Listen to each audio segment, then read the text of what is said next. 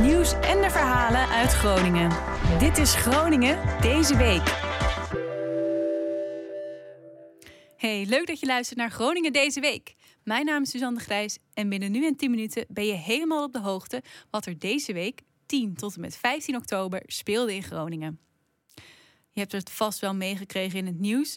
Door flinke tekorten zijn de gasprijzen aan het stijgen.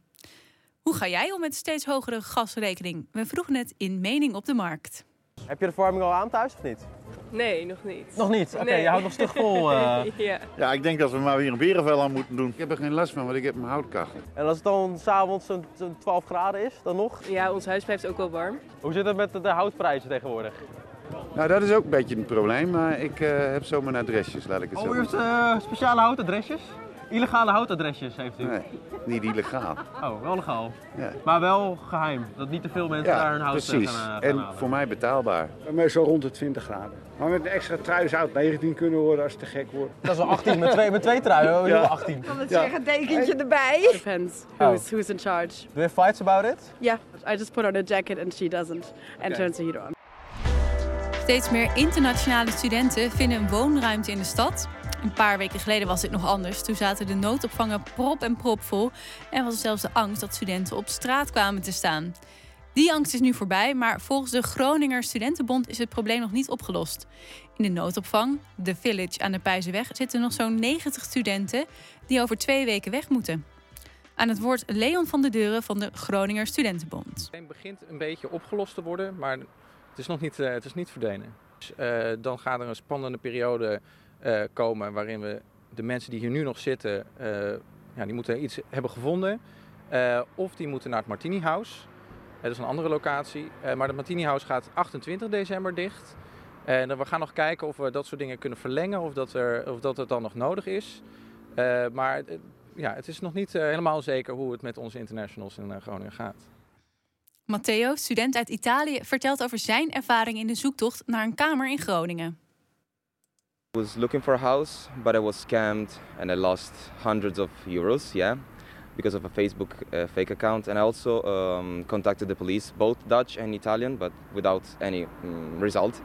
So I had to come here, and actually, I'm kind of satisfied. I mean, it's not a hotel, but I mean, you have ev- everything you need, the basics, so you can live. We zien vooral dat er nog steeds wel heel veel problemen zijn voor internationals om echt de markt op te komen, de huizenmarkt op te komen en iets voor zichzelf te kunnen vinden. En ook iets te vinden waar je gewoon goed kan studeren. En we hebben ook verhalen gehoord van mensen die gewoon zijn gestopt met hun studie en teruggaan naar hun eigen land, omdat ze, eh, omdat ze of het geld is op eh, of ze kunnen geen, eh, geen onderdak vinden. En dan blijven we nog even in de woonsferen. Niet alleen internationale studenten hebben het lastig. Eh, Dat er flink wordt overboden op koopwoningen is tegenwoordig wel bekend. Maar dit schijnt in de huursector nu ook een probleem te worden. Toekomstige huurders bieden meer dan de gevraagde huurprijs om toch dat droomappartement te bemachtigen.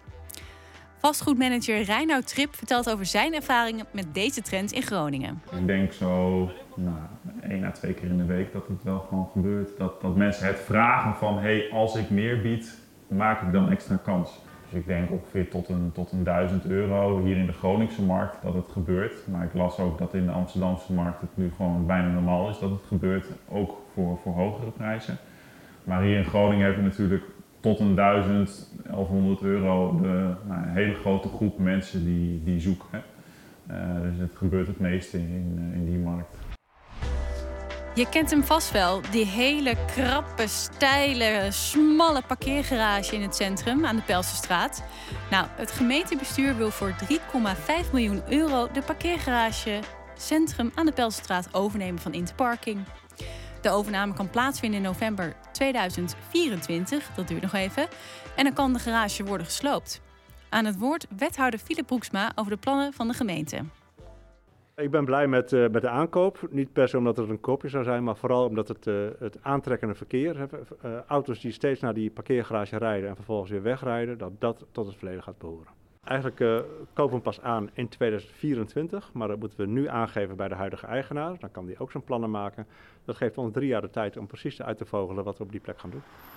Het is een mooie plek. eh, we zoeken plekken voor om fietsen te stallen. Dus dat zou daar eh, kunnen. Maar woningbouw is ook mogelijk. Misschien zijn er weer andere, andere opties. weten we nog niet.